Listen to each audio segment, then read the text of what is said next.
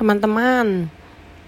Um, selain kambing sapi terus ayam bebek hewan apa yang um, sudah pernah kalian konsumsi selama hidup kalian?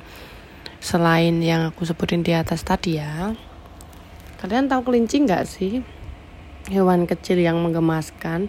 Ternyata hewan kelinci itu bisa dijadikan untuk santap makanan kalian loh. Seperti kita bisa buat seperti sate kelinci atau kalian istilahnya kalau kalau kalian nggak suka sate kalian bisa olah hewan ini untuk masakan lain. Dan kalian tahu nggak bahwa Daging kelinci merupakan sumber protein yang baik dan memiliki sedikit lemak dibandingkan daging sapi, daging babi, dan daging ayam loh.